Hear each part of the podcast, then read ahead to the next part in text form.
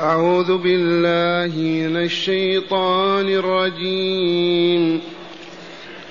إن ربكم الله الذي خلق السماوات والأرض في ستة أيام ثم استوى على العرش يغشي الليل النهار يطلبه حثيثا. والشمس والقمر والنجوم مسخرات بأمره. والشمس والقمر والنجوم مسخرات بأمره. ألا له الخلق والأمر. تبارك الله رب العالمين. ادعوا ربكم تضرعا وخفية. إنه لا يحب المعتدين. ولا تفسدوا في الأرض بعد إصلاحها وادعوه خوفا وطمعا. إن رحمة الله قريب من المحسنين.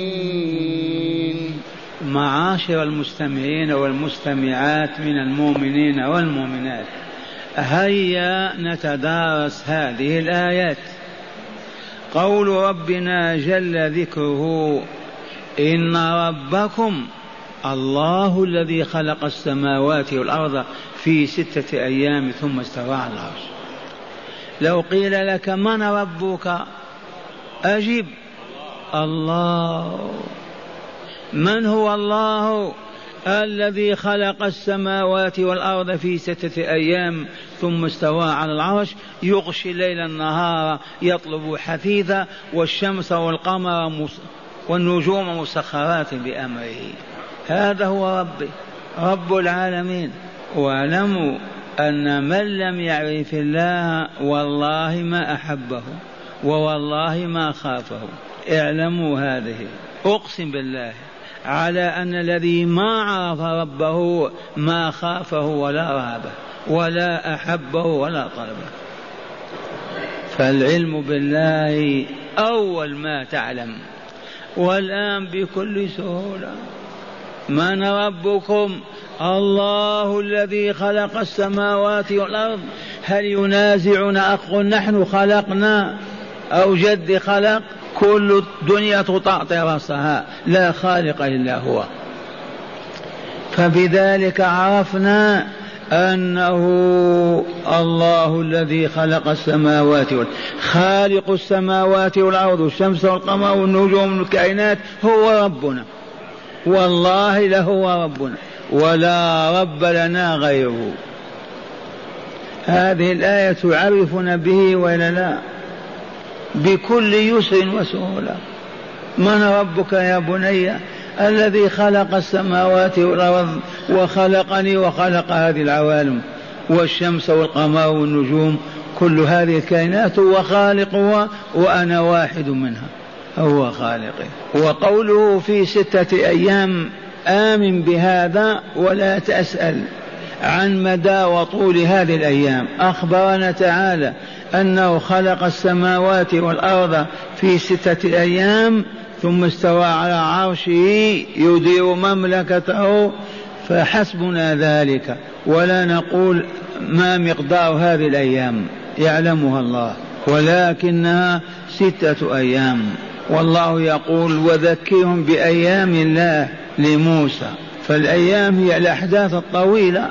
أيام العرب أيام ما كانت فيه على كل حال الذي أوصي به المستمعين والمستمعات أن يؤمنوا حقا وقطعا أن الأيام التي خلق الله فيها السماوات والأرض كانت والله ستة لا سبعة ولا خمس. وجاء في بيان ذلك من سورة حاميم فصلت قل أئنكم لتكفرون بالذي خلق الأرض في يومين وجعل فيها رواسي من فوقها وبارك فيها وقدر في أقواتها في أربعة أيام سواء للسائلين. ثم استوى إلى السماء وهي دخان فقال له والأرض ائتيا طوعا أو كرها. قالتا أتينا طائعين. فقضاهن سبع سماوات في يومين. وأوحى في كل سماء أمرها. فمجموع الأيام ستة. الاستواء على العرش. احذروا فلسفات المتكلمين. آمن بأن الرب تبارك وتعالى استوى على عرشه. لا تقل كيف ولا متى ولا متى ولا كيف كان. أولا هل أنت عرفت ذات الرب حتى تعرف الاستواء كيف يكون؟ الذي ما يعرف ذات الذي يجلس كيف يعرف؟ عرفتم هذه؟ ما دمنا ما نعرف ذات الله لأنها لا تشبه ذوات. ما خطر ببالك شيء إلا الله مخالف لذلك. ليس من المعقول أن يكون الله كمخلوقاته. أيعقل هذا عندنا؟ هذا المشلح كصانعه مستحيل هذا. فلهذا قل آمنت بالله آمنت بالله آمنت بالله. ثم هذا الإمام مالك تحفظون كلمته التي لا تنسى وهو في حلقة علمه في القرن الثاني مباشرة. سئل من سائل من بعيد كيف الاستواء يا, فلان؟ فقال الاستواء معلوم. والكيف مجهول والإيمان به واجب والسؤال عنه بدعة أخرجوه من الحلقة لأنه مريض بالوسواس. وكل هذا عائد إلى ضعفنا. أتعرفون أن قوانا محدودة ولا لا؟ لما ننظر أنا ببصري الحاد كم كيلو ننظر؟ خمسة كيلو. وبعد لماذا؟ ذهب القوة.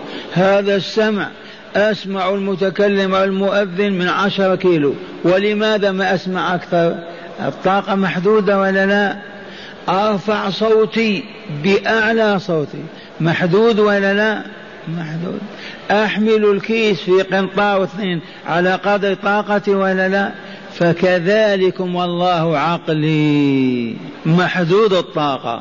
ما يدرك أكثر من طاقته. فمن هنا ما نستطيع أن نعرف ذات الله عز وجل ولا كيف يجلس أو يستوي على العرش. أخبرنا قلنا إي والله لك ما أخبر لكن كيف ما ندرك هذا ليس من شأننا. الإيمان به واجب والسؤال عنه بدعة الاستواء معلوم لكن كيف مجهول. ثم في الآخر الآية الأخيرة ألا ألو تعرفون ألو ما تعرفون. ما معناها معناها أنت تسمع أنت تدرك ما أقول لك مستعد لتتلقى الخبر وإلا لا؟ لفت نظر. ألا له الخلق والأمر. ما قال الخلق والأمر له؟ قال له وحده الخلق والأمر. فلا خالق إلا الله. لو تجتمع البشرية على بعوضة والله ما خلقوها لمن الخلق لله. هل هناك من يدعي أنه يخلق؟ لا بعوضه ولا دجاجه ولا نعامه ولا ناقة ولا رجل ولا ولا ولا. استقل الله بالخلق فلا خالق إلا هو. إذا يجب أن لا يكون آمر إلا هو. ما دام الخلق له الذي يدبر حياتهم. يعطي ويمنع ويضر وينفع ويقدم ويؤخر ويميت ويحيي. لأنه هو الخالق المالك فليس من حق إنسان أي كائن غير الله أن يأمر أو ينهى فيحلل أو يحرم أو يقنن أو يشرع. الحق حق الله. هذه الجملة ما تنسى. ألا له الخلق والأمر. تبارك الله رب العالمين. البركة الخير وتبارك الله خيره لا يعد ولا يحصى ولا ولا ولا. كل ما تشاهد من خير في الكون هو خير الله عز وجل. وهو رب العالمين وإلا لا أتدرون معنى العالمين؟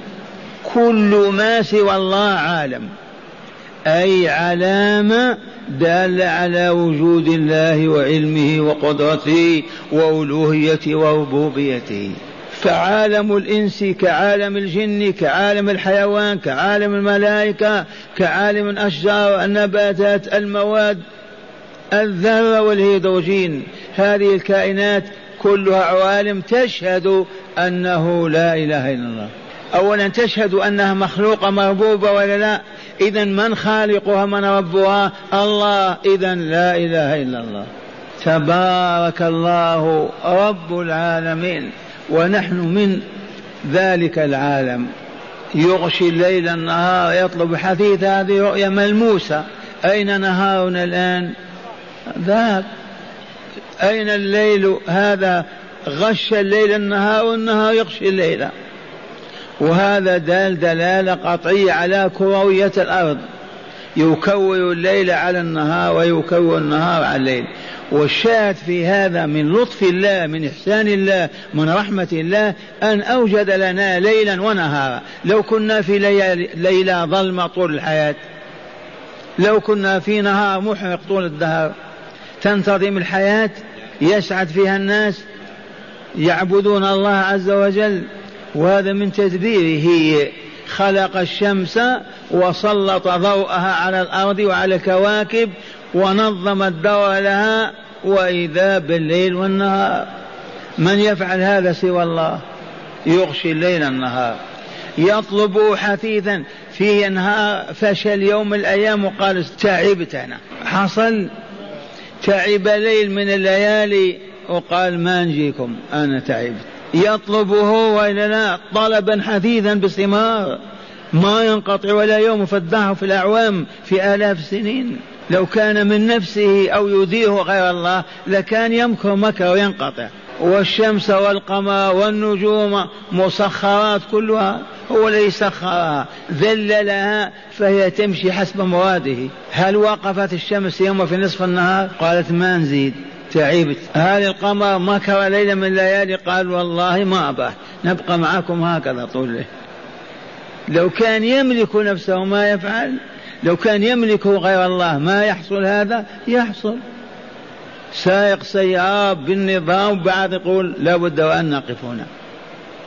يصرخ ركاب أنا لابد أن أجلس. والشاهد عندنا ذي مظاهر ربوبية الله تعالى الدالة أولا على وجوده ثانيا على علمه ثالثا على قدرته رابعا على رحمته وخلاصتها ألا تتعلق قلوب الناس إلا به. فإذا تعلقت القلوب به رحمها وأسعدها. ومعانا هذه الآية الجليلة. أو آيتان اسمعوا قوله تعالى ادعوا ربكم تضرعا وخفيا أعيد هذه الجملة حتى ما تنسوها. ادعوا ربكم تضرعا وخفيا قولها يا شيخ. ادعوا ربكم تضرعا وخفيا يعلمنا كيف ندعوه ليستجيب لنا. يعلمنا كيف نطلب حاجاتنا. لنظفر بها ونحصل عليها. هذا هو الرب الرحمن الرحيم. وإلا لا ادعوا ربكم. اسألوا نادوا يا ربي يا ربي يا ربي اغفر لي ذنبي وارحمني. يا رب أصلح لي حالي يا رب ارزقني من فضلك ناديه ادعوه بما ناديه وإلا لا؟ وتدعوه لماذا تناديه لأي شيء؟ لتطلب حاجته. ادعوا ربكم حال كونكم في دعائكم متضرعين إليه. أما الدعاء بالعنترية ورفع الصوت فهذا باطل باطل باطل ومخالف لأمر الله وصاحبه عاصي لله. لأنه تعالى قال ادعوا ربكم تضرعا وإلا لا. عرفنا التضرع من أين؟ مأخوذ من ضرع الشاء. تعرفون العنز وإلا لا؟ ما تعرفون العنز. لها ضرع وإلا ما لها ضرع. فلما يأتي الجدي ليرضع كيف ترون حاله؟ يتعنتر وإلا كيف يرتعد يرتعش وهي تناغي بنغاء خاص. فكذلك ادعوه بتلك الصورة. وأنت ترتعد تذوب دموعك تسيل جلدك يقشعر. لو ذكرت أنك, أنك أمام الله وأنك بين يديه وأنك مفتقر إليه وتسأل حاجتك منه. لا غالب عليك هذه الحال. تضرعا. فلهذا قالت العلماء رفع الصوت بالدعاء لا يستحب أبدا. حتى الذكر ما قال الحبيب صلى الله عليه وسلم لأصحابه لما كبروا بأعلى أصواتهم قال أربعوا على أنفسكم فإنكم لا تدعون أصم ولا غائبا ولكن تدعون سميعا عليما. الذكر برفع الصوت مكروه مخالف لهذه الآية. ولآية, ولآية في آخر هذه السورة. وخيفة وأنتم خائفون. وهنا ادعوا ربكم تضرعا وخفيا أي ادع ربك وأنت بعيد عن الناس. مختف في ليالك الظلماء في فراغك وأوقاتك لما تكون وحدك. أحسن من لا تدعوه بين الناس وترفع صوتك. هذا والله تأديب من الله لنا. يعلمنا كيف ندعوه الدعاء الذي يستجيبه لنا ويعطينا معه حاجاتنا وطلباتنا. ادعوا ربكم تضرعا وخفيا الخفية ضد العلانية ولا لا؟ فلهذا يستحب للدعاء أن يكون والنفس مرتعدة والجلد مقشعر والعينان تذرفان الدمع وهو هكذا بين يدي ربه. إذا حصل هذا اعلم أن دعوتك قبلت. هذه أمكم رضي الله عنها وأمي قبلكم. عائشة الصديقة تقول أنا أعرف متى يستجاب دعائي. كيف يا أماه قالت إذا أخذتني رعدة ورعشة وسالت الدموع من عيني عرفت أن دعوتي قبلت. هكذا. متى يحصل منك هذا لما تكون خاليا بربك؟ ما أنت أمام الناس. فلهذا ما كان الرسول يدعو بالناس بعد الصلاة أبدا. وبعض أهل الجهل إذا سلم الإمام يستقبل الناس ويدعو بهم كل صلاة. بدعة. ما عرفوا هذه الآية. ادعوا ربكم متضرعين مختفين عن عيون الناس. ويستحب أيضا رفع الأكف والايدي أيضا. فقد رفع الرسول يديه حتى بان بياض إبطيه على المنبر. وذكر الرجل يطيل السفر أشعث أغبر يرفع يديه إلى السماء يا رب يا رب. أن يستجاب له ومطعمه حرام ومشربه حرام وقد غذي بالحرام. أن يستجاب له. معاشر المستمعين والمستمعات هذه الآية هذه الآية هي آية آداب الدعاء. من لم يعرف هذه كعامة الناس. ادعوا ربكم تضرعا أولا. يا هذا يا ربي هذا التضرع كيف صيغة التضرع يا ربي يا ربي يا ربي. بالبكاء. وخفي بعيدا عن أعين الناس. في ظلامك في تهجدك في سجودك في انفرادك. أفضل لك مما تدعو بين الناس. ادعوا ربكم تضرعا وخفيا. إنه لا يحب المعتدين. أي في الدعاء. والادعاء في الدعاء والاعتداء في الدعاء له صور. منها أن تسأل الله عز وجل الشر لفلان وفلان. اعتديت ولا لا؟ تعتدي على فلان فتدعو عليه بأن يهلكه الله أو يقطع نسله أو يصيبه بمصيبة؟ يجوز هذا؟ هذا اعتداء في الدعاء ولا يجوز. ثانيا أن لا تسأل الله تعالى ذات الأسباب التي ربطها بها وأنت لم تأتي السبب وأنت قادر عليه وتقول أعطيني. مثلا أنت ما تزوجت وراقب أن لا تتزوج وتقول في دعائك اللهم ارزقني ذرية صالحة. يجوز هذا كلام تستهزي أنت رافض الزواج ما تريد وتسأل الله أن يرزقك ولدا صالحا. أولا تزوج واسأل. قاعد لاصق بالجدار لا يمد يده إلا للشحاتة لا يطلب ولا يسعى ولا يحرث ولا يبني ويقول اللهم ارزقني. يجب أن تسعى. تحمل مسحاتك وإلا فأسك وإلا قلمك وإلا نعلك وتطلب وتسأل الله عز وجل يستجيب لك. أما أنت تعطي نفسك وتبقى جالس وتقول أعطيني. يجوز هذا؟ ثالثا ألا تسأل ما لم تجري سنة الله بإعطائه كأن تسأل ماذا؟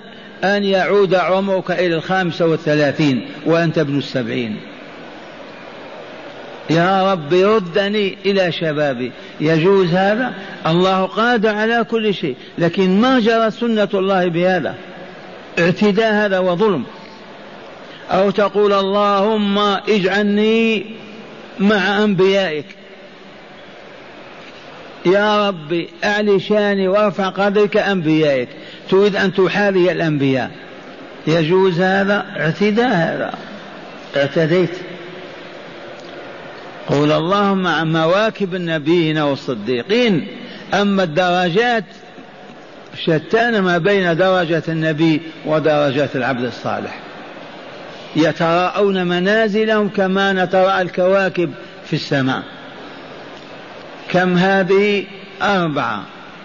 أولا أو آداب الدعاء الآن أولا أن تدعو الله وأنت خائف تتضرع.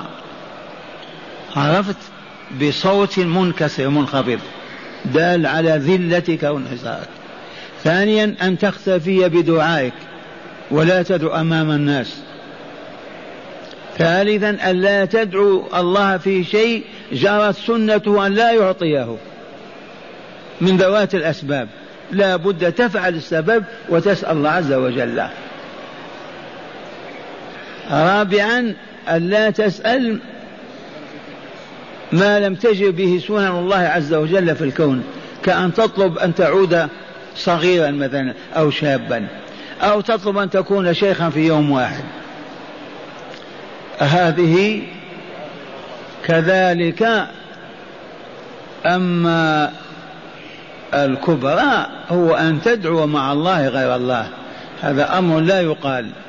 من دعا مع الله غيره أشرك وكفر وخرج من ملة الإسلام إلا أن يتوب. لأنه سوى مخلوق بالخالق. ماذا بقي؟ فلهذا ادعوا ربكم. ما قال ادعوا أولياءكم أو أنصاركم أو أنبياءكم ادعوا ربكم. إذا عرفت ربك قد عرفته الآن ولا هو الذي تدعوه. ولا يصح دعاء غير الله سواء كان ملكا من الملائكة أو نبي من الأنبياء أو صالح في الصالحين. ادعوا ربكم تضرعا وخفيا إنه لا يحب المعتدين. الاعتداء في الدعاء عرفتم صوره ومن أبشعه أن تدعو مع الله غيره. يا رب ويا سيدي فلان. يصح هذا؟ يا الله ويا رسول الله. يصح هذا؟ والله إنه للشرك بالله. وهو من أفظع أنواع الظلم. لأنك سويت مخلوق بالخالق. ثم لما تقول يا رسول الله هل في إمكان الرسول أن يعطيك أو يمنعك أو يدفعك المكروه أو يصل بك إلى ما تريد؟ من يقول نعم؟ والله لا أحد. فلماذا إذا تغيظ ربك وتغضبه عليك؟ وأنت تكرر لا إله إلا الله. في كل صلاتك. هذه الآية ما ننساها. ادعوا ربكم تضرعا وخفيا. إنه لا يحب المعتدين. ومن الاعتداء في الدعاء ما علمتم. أن يسأل ما لم تجر به سنن الله. أن يطلب منازل الأنبياء. أن يطلب شيئا مما حرم الله. كما قدمنا أن يدعو على فلان بالظلم. هذا اعتداء في الدعاء. ثم الآية الأخيرة أو الجزء منها ولا تفسدوا في الأرض بعد إصلاحها. ولا تفسدوا في الأرض بعد إصلاحها. الأرض كانت فاسدة. حتى أرسل الله رسوله محمد صلى الله عليه وسلم. وأنزل عليه كتابه وأنزل عليه شرعه وهدايته. فانتهى الظلم والفسق والشر والكفر وكل الفساد. وأصبحت هذه الديار كسماء الملائكة.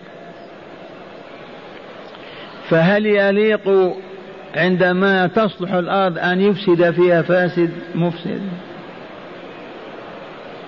أيام كانت فاسدة فاسدة.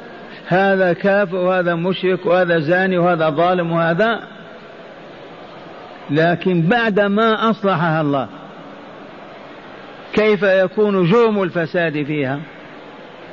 أبشع ما يكون وأفظع ما يكون.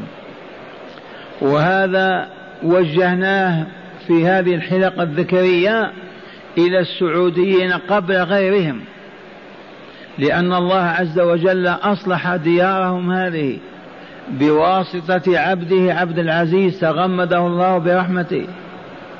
فلم يبق ظلم ولا خبث ولا شرك ولا باطل فالذي يأتي بشيء من ذلك ويفعله والله ينطبق عليه هذا النهي الإلهي.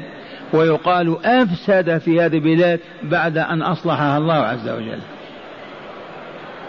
فلا يحل لأحد ساكنا مقيما في هذه الديار أن يأتي بفساد إليها أو يفسد هو نفسه فيها. فالذين يستوردون المخدرات من الأفيون والكوكايين والحشيشة سواء يستعينون بالخارج أو الداخل والله لمفسدون في هذه البلاد.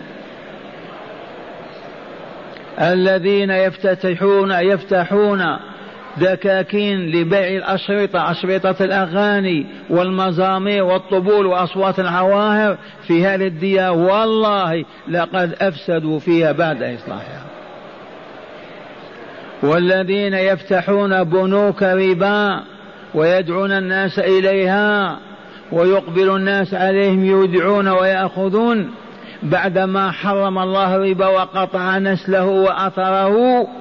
والله لا أفسدوا في الأرض هذه الأرض بعد إصلاحها وأيما امرأة تأتي إلى نسائنا وتراقبها في كشف وجهها وكشف حيائها لتخرج كفلانة وفلانة والله لأفسدت في هذه المدينة بعد إصلاحها.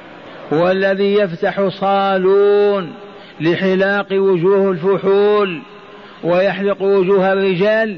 والله لقد أفسد في الأرض بعد أن أصلحها الله. عرفتم الآية؟ ماذا يقول ربي؟ ولا تفسدوا في الأرض بعد إصلاحها. قرية من قرانا في مصر في الشام في العراق في إفريقيا. صلح اهلها على الخير والهدى وصلحوا والله لا يحل لمؤمن أن يحدث فيها حدثا. ذنبه أقوى من ذنبه في بلد آخر فيه الفساد والشر ولا تفسدوا في الأرض بعد إصلاحها. لما كانت فاسدة من يلام؟ لكن لما اصلحها الله بالوحي الإلهي ورسوله وكتابه وسادها الطهر فالذي يحدث فيها حدثا وحسبنا قول الرسول صلى الله عليه وسلم المدينة حرام من عائر إلى ثور من أحدث فيها حدثا أو آوى محدثا أي نصره فعليه لعنة الله والملائكة والناس أجمعين لا يقبل منه صرف ولا عدل. بعد هذا يستسيغ أهل الجهل والمورطون بالضلال أن يحدثوا أحداث جسام في هذه الديار ولا يخجلون من الله ولا يستحون. ولا تفسدوا في الأرض بعد إصلاحها وادعوه خوفا وطمعا. تتميما للآداب الأولى. وادعوه تعالى حال كونكم خائفين. وطمعا طامعين. لا بد وأن تدعو الله وأنت خائف وطامع. ما معنى طامع؟ راجي أما أن تدعو وأنت غير مبالي يستجاب أو لا يستجاب هذا ما هو دعاء. تدعو وأنت خايف منه. خايفا لا يستجيب لك. خائف من أنك لست بأهل للاستجابة. هذه المعاني كلها في نفسك. ثبات ومع هذا الطمع كلك رجاء في أن يستجيب الله لك. أي اجمع بين الخوف والرجاء وهذان الجناحان لا يطير أحد إلا بهما. في الدنيا بكاملها. جناح الخوف وجناح الرجاء دائما خائف ودائما طامع. هذا الذي يصل. أما من قنط وخاف فقط هبط. أما من ترك الخوف وعبث وطمع فهو طمعه باطل. لا بد وأن تكون خائفا من الله فتنهض بالواجبات وتتخلى عن المنهيات وكلك رجاء في أن يقبلك الله ويستجيب دعاك. ادعوه خوفا وطمعا أي حال كونكم خائفين وطامعين. ثم قال تعالى إن رحمة الله قريب من المحسنين. الله أكبر. إن رحمة الله قريب من المحسنين. من هم المحسنون؟ عد إلى الآيات السابقة كلها. المحسنون المؤمنون بحق وصدق الموحدون لربهم. هؤلاء المحسنون المحسنون في صلاتهم في صيامهم في جهادهم في قتالهم في كل شؤونهم. هؤلاء هم المحسنون في دعائهم. إذا التزموا بالمبادئ الأربع هذه هؤلاء رحمة الله قريبة منهم. أما غير المحسنين فلا لا. فالمسيء في صلاته لا تقبل صلاته. المسيء في وضوءه أو غسله ما يصلح غسله ولا وضوءه. المسيء في معاملته ما يقبل منه عمل ولا يصلح له حال. المسيء في دعائه يدعو مع الله غير الله يرفع صوته على الله يظهر كذا ولا يخاف ولا يرهب يدعو وهو متكبر لا يبالي استجيب له أو لم يستجب له. كل هذه أصحابها غير محسنين بل مسيئون. وهذا وعد الله الصادق. إن رحمة الله قريب من المحسنين. بعيد عن المسيئين. وهي عامة في كل العبادات ومن أظهرها الدعاء. إذا دعوت الله وأحسنت الدعاء طبقت هذه القواعد الأربعة. خفية كذا وتضرعا وخفيا وعدم اعتداء فيها وخوفا وطمعا. إذا أنت وفرت هذه المقتضيات للإجابة فأنت محسن في دعائك. وإن قصرت ما أحسنت. إذا ما يستجاب لك. واذكروا قول الله عز وجل ادعوني أستجب لكم. ادعوني أستجب لكم. كيف ندعوك يا ربي؟ نتعلم كيف ندعو. علمنا الآن كيف ندعو ولا لا؟ ألا ندعو الله بشر ولا باطل ولا ظلم ولا شرك ولا كفر أبدا.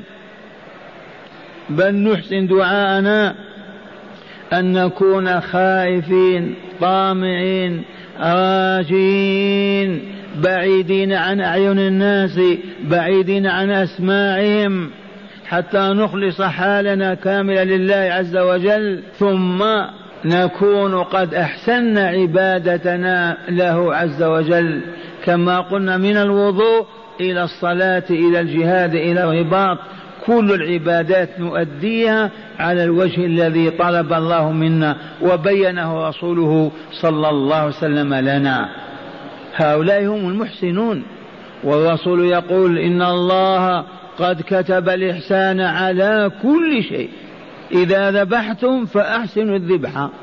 إذا قتلتم فأحسنوا القتل. حتى القتال علمنا الله كيف نقاتل. فاضربوه فوق الأعناق. ثباتهم هكذا. ما تضرب الرأس تشقه وتتركه يتألم. لا سيما في ذلك الزمن ما في أدوية ولا أطباء فلقة الراس ماذا يصنعون لها إذا الآية من سورة محمد صلى الله عليه وسلم فإذا لقيتم الذين كفروا فضرب الرقاب. لماذا ضرب الرقاب بالذات؟ ما تكسوا أيديهم وأرجلهم بطونهم ترمهم ما يشفون. إذا أحسنوا القتل. ضربة الرقبة بالسيف يسقط ميت. فضرب الرقاب. حتى إذا أثخنتموهم في القتل فشدوا الوثاق وخذوا الأسرى واعفوا عنهم وإلا بادلوهم بغيرهم. والشاهد عندنا في قول الرسول صلى الله عليه وسلم إن الله كتب الإحسان على كل شيء. إذا قتلتم فأحسنوا القتلة إذا ذبحتم فأحسنوا الذبح. هذه الشاء يجوز تضرب بعصا وتأكلها بحجر وتأكلها موقوذة فلا بد من الإحسان هذا طباعنا إن شئتم قولوا. بل هذا نظام حياتنا. طبخك للشاه للطعام للخبز يجب أن تحسنه وإلا لا؟ والله معك. أما أن تسيب ما هو معك؟ ولا يوفقك لذلك. هذه الكلمة ما أجلها وما أعظمها. إن الله إن رحمة الله قريب من المحسنين. بعيد من المسيئين. تاجر في تجارته والله إذا لم يحسن ما استفاد. لا بد من الإحسان في أعمال الدين والدنيا. ومع الأسف الذي ما يعرف كيف يتوضأ كيف يحسن. الذي ما يعرف الصلاة كيف هي كيف يحسن صلاته. هنا نعود إلى أنه يجب أن نتعلم وقد كررنا القول في ولاية الله. ولاية الله لا تتحقق للعبد إلا إذا أحب ما أحب الله وكره ما كره الله. فاسأل عن محاب الله ما هي. ولو تسافر خارج بلادك حتى تعرف ما يحب الله من الاعتقادات والأقوال والأعمال والصفات والذوات لأجل أن تحب ذلك بحب الله لأنك وليه تحب ما يحب.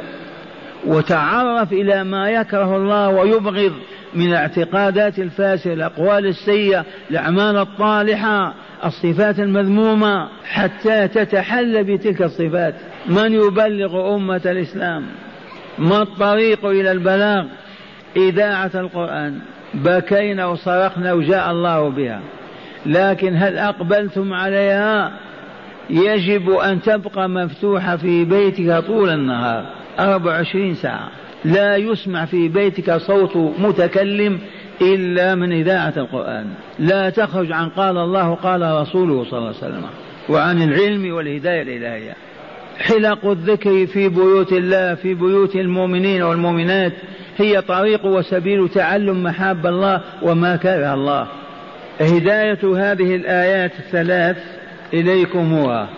قال من هداية الآيتين أولا وجوب دعاء الله تعالى فإن الدعاء هو العبادة. منين عرفنا وجوب الدعاء؟ ادعوا فعل أمر وإلا لا؟ أو نقول لا ندعو؟ عصيت إذا وكفرت. ادعوا ربكم إذا وجوب دعاء الله تعالى فإن الدعاء هو العبادة. بقول الرسول صلى الله عليه وسلم الدعاء هو العبادة. الدعاء هو العبادة. وورد الدعاء مخ العبادة. زيد أنت لبها وخلاصتها. وعرفنا هذا وإلا لا؟ لعل الحاضرين ما عرفوا. أعلمكم كيف الدعاء هو العبادة؟ انظروا إلى شيخك. الآن نقرأ لكم. الشيخ فقير مسكين محتاج. ما الدليل؟ رفع كفيه يتضرع.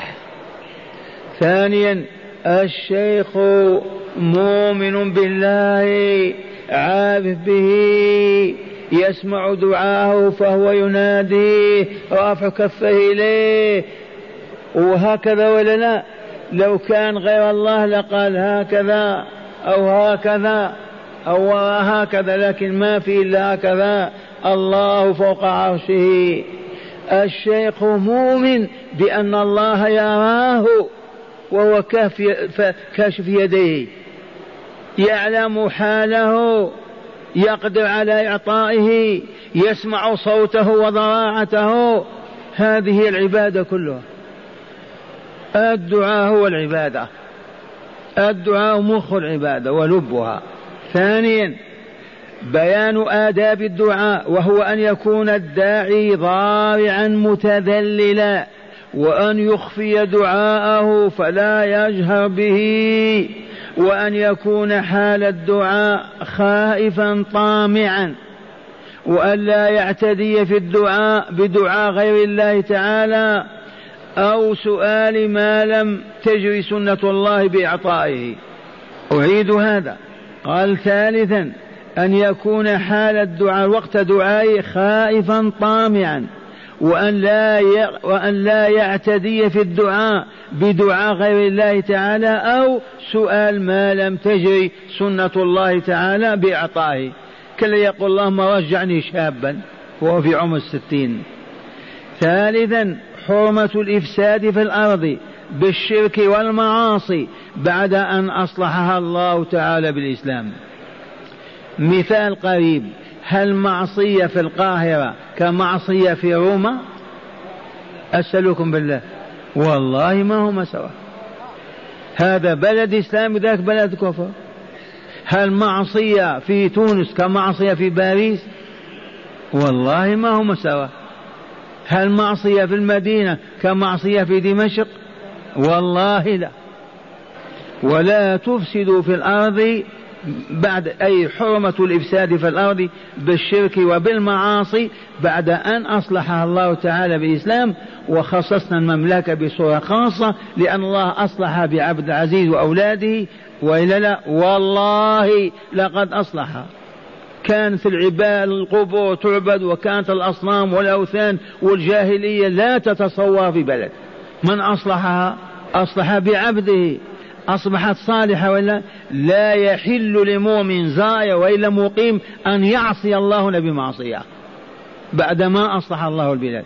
فمعصيته في دمشق أخف والله منها في المدينة. بل معصيته في جدة أخف من المدينة. وهكذا فقيسوا ثالثا رابعا الترغيب في الإحسان مطلقا خاصا وعاما حيث أن الله تعالى يحب أهله.